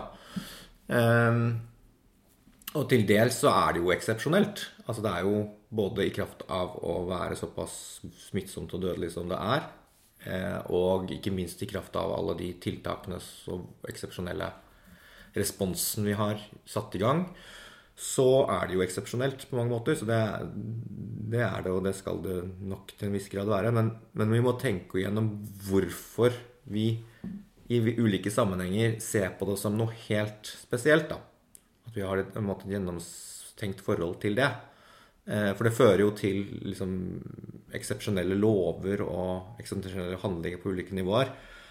Eh, Sånn at eh, blant annet da så så har man jo en tendens til å liksom si at vi, vi vet ingenting om dette viruset. Altså man, at man åpner opp for en voldsom usikkerhet av liksom, å, å fremstille dette viruset som, som noe som er eksepsjonelt i den forstand at, det, at vi vet ingenting om det. Og det, det er jo fryktinduserende. Er det noe som er ukjent, helt ukjent og Ja. usikkert, så blir det uforutsigbar og skremmende. Og der tenker jeg at man må f.eks. da i, i spørsmålet om immunitet må man liksom, Selv om man ikke liksom har gjort en studie på dette som sier at jo, vi blir immune helt sikkert, så, så må man liksom så det, må man sette en grense for den eksepsjonalismen og si at jo da, vi, Vi vi vet, om- noe. Vi, vet, noe om noe om- virus, og vi vet noe om koronavirus, og vi, vi vet noe, liksom. Så det er spørsmålet om vi skal behandle dette viruset som noe som er eksepsjonelt i den forstand at vi har null kunnskap om det blir noen immunitet, f.eks. Det er ett et eksempel. Ehm, Et annet eksempel er kanskje i spørsmålet om, eh, om senskader. Da. At vi behandler det som noe som liksom vi forventer skal være annerledes enn alle andre mikrober som kan gi skade på kroppen vår. Eh, eller verre, da. Ofte. Um, Så koronaeksepsjonalisme er den derre at ja vel, dette her er jo nytt, og mye med denne situasjonen er helt nytt, men vi må huske på at uh, koronaviruset er et luftveisvirus. Vi vet mye om luftveisvirus, vi vet mye om eh, Det Dette er ikke første gang folk har dødd i en pandemi. Det er ikke første gang eh, Mm, Ja, det er ulike nivåer av det. da. Det blir jo sånn at I forlengelsen av at vi ser på det som noe eksepsjonelt, så, så altså, i, I den eksepsjonalismen så er det også viktig å korrigere hvor dødelig er det, hvor smittsomt er det. Altså Sånn at vi har et realistisk forhold til det. Eh, og så må vi bestemme oss for hvilken terskel er det vi har for at dette skal regnes som helt, helt spesielt. Altså Årlig så dør det jo en del av influensa. I 1968 så kom det en en pandemi som var en del verre, sånn Hongkong-syken.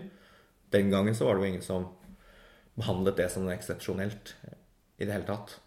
Eh, det kan være kulturforskjeller, men det var også et mye mindre dødelig virus. Men det var vesentlig verre enn en vanlig influensasesong. da. Så på et eller annet tidspunkt så må man sette en terskel for når man syns dette er eksepsjonelt. da. Eh, og ha et bevisst forhold til når, hva, er egentlig, hva er egentlig det? Um, og man har da denne eksepsjonalismen kanskje i andre aspekter ved det også. Um, F.eks. i det som vi har snakket litt om, at man setter nye standarder for hva som skal være regnes som evidens. Uh, et eksempel på det er, er spørsmålet om luft Altså om, om, både om luftsmitte og om eh, om bruk av eh, munnbind i befolkningen generelt. Altså I luftsmittesammenheng så er det da folk som har argumentert for at ja, men vi vet ingenting om dette viruset, og det, det er, luftsmitte er mulig, så derfor burde vi være føre var. Og liksom istedenfor å vise altså at det er et krav evidensmessig til at man viser at jo, sånn er det, det er faktisk tilfellet, dette er vesentlig og vanlig, så skal man liksom være føre var og liksom handle på bakgrunn av veldig mye mindre evidens enn det som ellers ville vært vanlig i samfunnet. Da, da liksom skifter man evidenskrav i, eh, i, eh, i, lys av at det liksom ses som noe eksepsjonelt. Eh, og det samme med, med, med spørsmålet om munnbind, der det jo er noen sånn basalfaglig kunnskap om, som viser at ja, masse, altså, munnbind hindrer at dråper kommer ut og sånn. Eh, og noen matematiske modeller som sier at ja, vi kan kanskje forvente at smitten i befolkningen går ned hvis, vi, hvis alle sammen bruker munnbind. Men det finnes ikke noe særlig empirisk grunnlag. Og det som er, er tvetydig og ikke særlig, viser ikke noe særlig god effekt. Eh, så det er også folk som har argumentert for et sånt føre-var-prinsipp som forskyver litt bevisbyrden. da, At man ikke trenger den samme evidensgrunnlaget som man ellers ville hatt for folkehelseintervensjoner. Mm. Fordi vi ser på dette som noe eksepsjonelt. Eh, og det der med at nå plutselig så har det blitt en helt ny sånn nye standarder for forskning. At eh, plutselig så trenger ikke artikler å være fagfellevurdert lenger før de Ja, og det er jo kanskje sårbare for oss selv også. Man refererer mye til ting fordi haster, man føler at det haster så fælt. At man at man uh, kaster seg over ting som man ellers ikke ville kastet seg over og, og ventet med om, før det ble fagfellevurdert ordentlig. Um, det gjør seg gjeldende da i det vi snakket om litt i stad også, at liksom man ser for seg at man skal endre måte, de etiske spillereglene i forskningen. Altså at man kan gjøre forskning direkte på mennesker uten at det har vært testet ut ordentlig før. Ja. For å speede opp prosessen. Det blir sånn press på å gjennomføre de vaksinestudiene raskere. Og... Ikke sant? Kutte noen, noen, mm. noen hjørner, da. Eh, og da er også sånn som en, en, kjent bioetiker som heter Peter Singer, har argumentert for liksom at, vi, at de, som, de, som, sier ja til å stille opp i sånne studier eh, av vaksine frivillig, de, der er det etisk riktig i denne situasjonen å og la dem gjøre det. Det er liksom for the greater good. Men det er også med referanse til en sånn Situasjonen er helt eksepsjonell. Ja. Uten at han forklarer hva han egentlig mener med det. Hva er det som er så eksepsjonelt? Altså, igjen da, Jeg tenker at det er grunn til å si at det er eksepsjonelt på en dårlig måte. Men hvor, hvor, hvor, går egentlig terskelen for at du sier det? Hva er det, som, hva er det akkurat som, som, gjør det? Ikke sant? Eh, og så er det det er en sånn menneskelig tendens. den der, Oi, nå er det unntakstilstand, så da ryker alt av eh, faste, gode, gamle vaner og rutiner. Ja, så du hadde jo i Norge koronaloven, da. Liksom ganske store fullmakter. Jeg vet ikke hva som er status for den nå, liksom, men sant, en unntakslov som, gir, som skyver litt på Kanskje var den første utkastet som kanskje skjøv litt mm. på demokratiske spilleregler og maktfordelingsprinsipper og sånn, som er ja. viktige. Um, I Tyskland så kan man nå bli bøtelagt for å ikke gå med munnbind.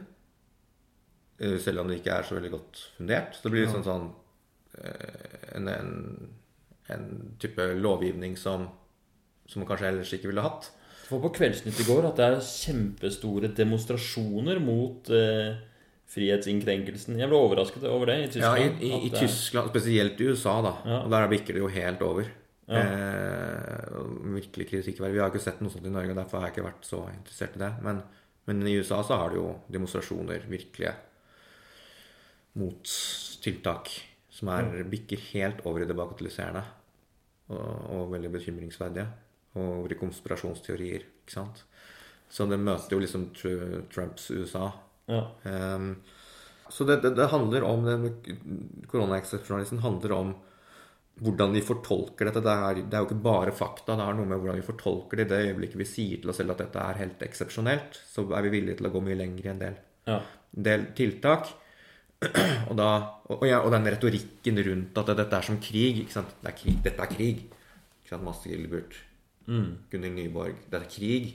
Og mange bruker dette krigsmetaforen. Det er også en, en type språkføring som, som maner oss veldig langt inn i den følelsen av å være i en eksepsjonell situasjon. Jeg mener, Det kunne vi snakket mer om en annen gang, men, men jeg mener jo den krigsmetaforen er ikke helt på sin plass. Ja. Eh, men Men, um, Men det er jo Hvorfor ikke, liksom? Det er jo eh, Det er plutselig over hele verden så er det sånne enorme dødstall som vi ikke har sett eh, Sett lignende utenfor i Eller i hvert fall tiltakene som eh, dette medfører, er jo de sterkeste siden krigen, Ja, ja, liksom. så det er, det, er, det er absolutt ikke til å bagatellisere, og det er en, det er en eksepsjonell situasjon på mange måter. Men det er liksom ikke krig.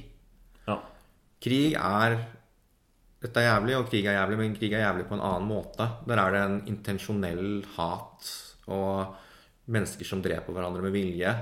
Eh, Det er Det er eh, det er en helt annen situasjon der mennesker står mot mennesker, og, og man ikke har en samhold mot noen, et ytre problem på den samme måten. Eh, det, er, det er liksom rett og slett ikke krig. og Jeg syns ikke den metaforen er spesielt presis. Hvis man ønsker å bruke en veldig sterk metafor rundt dette, så kan man kalle det naturkatastrofe. Det er mer det det er. Altså det er naturen som kommer med en ordentlig eh, kjip situasjon til oss, som krever mange liv. Det er mer liksom til tenker jeg, i sånn måte med, med jordskjelv og flod. Flodbølger, eller flomkatastrofer ymse steder i verden. Som også krever liv i denne skalaen, som har vært noen av de største, Ja. eh, største liksom, hendelsene i, i, i eh, menneskers liv, menneskers historie. ja, for selv hvor mange var det som døde i den tsunamien i Sørøst-Asia? Å ja, det vet jeg ikke. 100 000? 200 000? Ja, ikke sant? Eh, Det er ikke blant de største. Mm. Jeg så på Wikipedia over de ti største naturkatastrofene. Jeg tror det er en flod i Kina for 100 år siden eller noe sånt, noe som krevde hva var det, 4 millioner. Ikke sant? Det er flere enn antall bekrefta smitta av eh, korona, det. Ja, så det er en del store, spesielt flomkatastrofer som, og jordskjelv som har krevd i denne størrelsesorden. Men selvfølgelig, altså de aller største naturkatastrofene er faktisk epidemier. Ja. Altså spanskesyken, ikke sant. Eh, tok eh, 50-100 millioner liv i en verden som hadde 1,8 milliarder innbyggere. Så ganger fire så snakker vi om eh, I forhold til dagens befolkning så snakker vi om eh, 200 til 400 millioner, da. Konklusjonen er at man skal ikke se på dette som ikke noe eksepsjonelt, for det er, det, det er en hendelse i vår historie som er på nivå med andre veldig store hendelser som 9-11 og, og sånn på, på en annen måte, da. Det er en av de største hendelsene i etterkrigshistorien. Eh, men, så det er jo eksepsjonelt på den måten. Vi må være litt bevisst på hva det er som gjør at vi kaller det eksepsjonelt, og om det er riktig å kalle det eksepsjonelt. Ja, Se på det som eksepsjonelt i alle sammenhenger. Ja, for med en gang man trår inn i den der unntaks...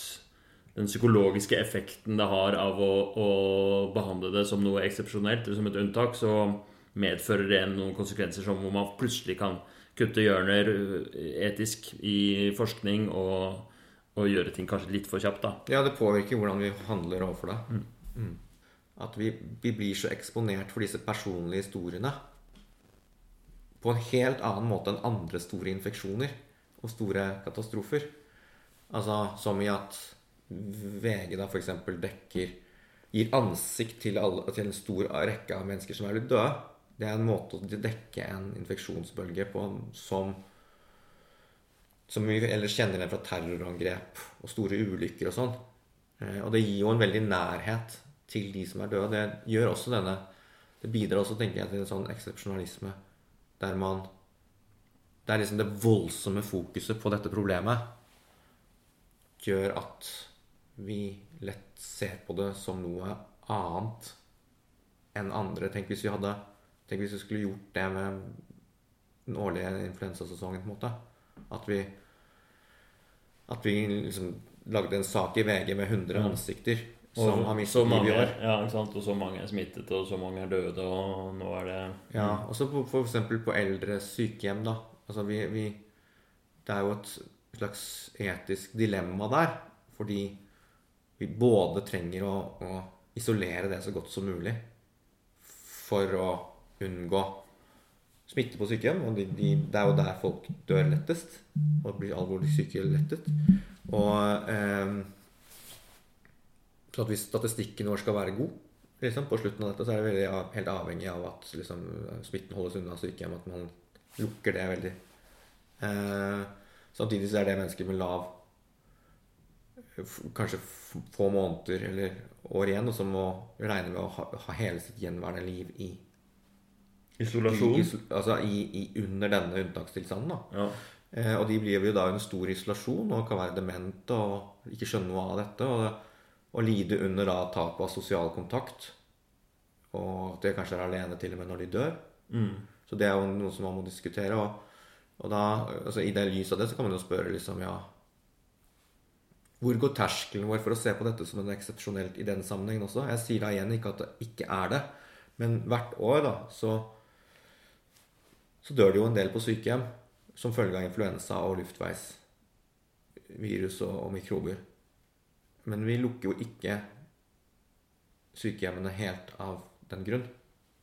Eh, så spørsmålet blir liksom Skulle vi da neste år, eller når dette, denne pandemien er over, skulle vi da tenkt at vi nå setter inn sterkere smitteverntiltak for å forhindre de hundrevis av dødsfall som skjer hvert år? Eller er det noe liksom Er, liksom, er det blitt noe sånn eksepsjonelt over et covid-19-dødsfall at det på en måte er verre i kraft av bare å være et covid-19-dødsfall enn alle andre dødsfall? Sånn tenker jeg jo ikke at det bør være. At det, noen, noen dødsfall er tragiske. Mange er tragiske i denne sammenhengen, men noen dødsfall er også inn i tide eller inn på tide for noen av de eldste. Og det trenger ikke å være sånn at man måtte male fanden på veggen og se det som et nederlag eller spesielt ille at man dør av denne sykdommen for noen av de som dør av det. ja. Eh, og å få en viruslungebetennelse trenger ikke å være den verste måten å dø på hvis man får god lindring, f.eks. Ja, jeg tror de fleste sykehjemsleger jeg har snakket med, og har helt annet bilde av eh, bare døden i seg selv, da, og sykehjemspasienter òg, enn enn det som kanskje blir sånn vanlig Når man snakker om alle dødsfallene som, som, som tragiske. Ja, det er noen som vil ha alle på sykehjem, eller mange på sykehjem, mange flere på sykehjem inn på sykehus for å få liksom, optimalisert behandling Ja. hvis de blir smittet. da. Men, men for mange så vil jo det være avklart allerede når de kommer på sykehjem, at det ja. ikke er ønskelig. da. Ja, det husker jeg var, var så, ga så stort inntrykk. Jeg var med en veldig flink sykehjemslege en gang på en sånn inntakssamtalen på sykehjemmet. Og da var et av de spørsmålene han brukte mest tid på, var sånn, hva skal vi gjøre hvis, hvis du blir syk og trenger syke eh, trenger behandling på sykehus? Hva ønsker du selv? Og han gjorde alltid det med pasientene før de kom og avklarte det veldig grundig. Og hadde de samtalene flere ganger òg. Var den gangen jeg var med, så sa den pasienten sa nei, det ønsker jeg ikke. Jeg vil være her. Ja, Jeg har fått nok, liksom. For mange så er jo det ønsket. Kanskje ikke for alle, men jeg vet ikke hva prosentandelen Men for mange så er det det, det bør jo helst avklare så godt man kan, da. Ja. Og så, for nå, De får jo ikke spørsmål sånn hvis eh, Har du lyst til å få besøk av pårørende? Men det kan øke sjansen for at du får eh, en dødelig sykdom. Men, men det, det, er alle, det er helt stengt. Ingen, ingen sykehjemspasienter og ingen pasienter på akuttpsykiatrisk der hvor jeg bor, får besøk av Nei, pårørende. det har vært ganske strengt. Jeg kjenner ikke detaljene annerledes. Det er en del institusjoner som har hatt strengere tiltak lokalt enn det FHI krever også. Eh, men eh, tidligere redaktør i Tidsskrift for Den norske legeforening fortalte jo sin historie først på min Facebook-vegg, og så i Minerva nå. Eh, og det var jo sterkt å høre, for hun hadde jo en far som døde ikke, altså under dette. Ikke av covid-19, men ellers. Og fikk da, fikk da ble bare avsondret, eller fikk ikke sagt farvel, da. Kom ikke i kontakt, fikk ikke lov til å komme inn når han døde. Eh, mm. Altså Charlotte Haug, som er eh, tidligere redaktør i Tidsskrift for Den norske legeforening. Eh, og det er, jo, det er jo et etisk dilemma. Det er ganske vondt. Ja. Ok, nå har vi snakket i eh, godt over halvannen time om, eh, om, korona. Jeg er helt utslitt, men jeg må si tusen takk for at du har stilt opp på en søndag formiddag. Jeg har i hvert fall lært kjempemasse. Tusen takk for at du stilte opp, og tusen takk for jobben du gjør eh, med, å, med å, å, samle kunnskap, formidle medisinsk eh, vitenskapsteori, og lykke til videre med alt sammen. Takk. Takk for nå. Vi er Medisinstudentsnap. Følg oss på Instagram. Der har vi quiz hver dag og mye annen medisinsk moro. Ha det bra!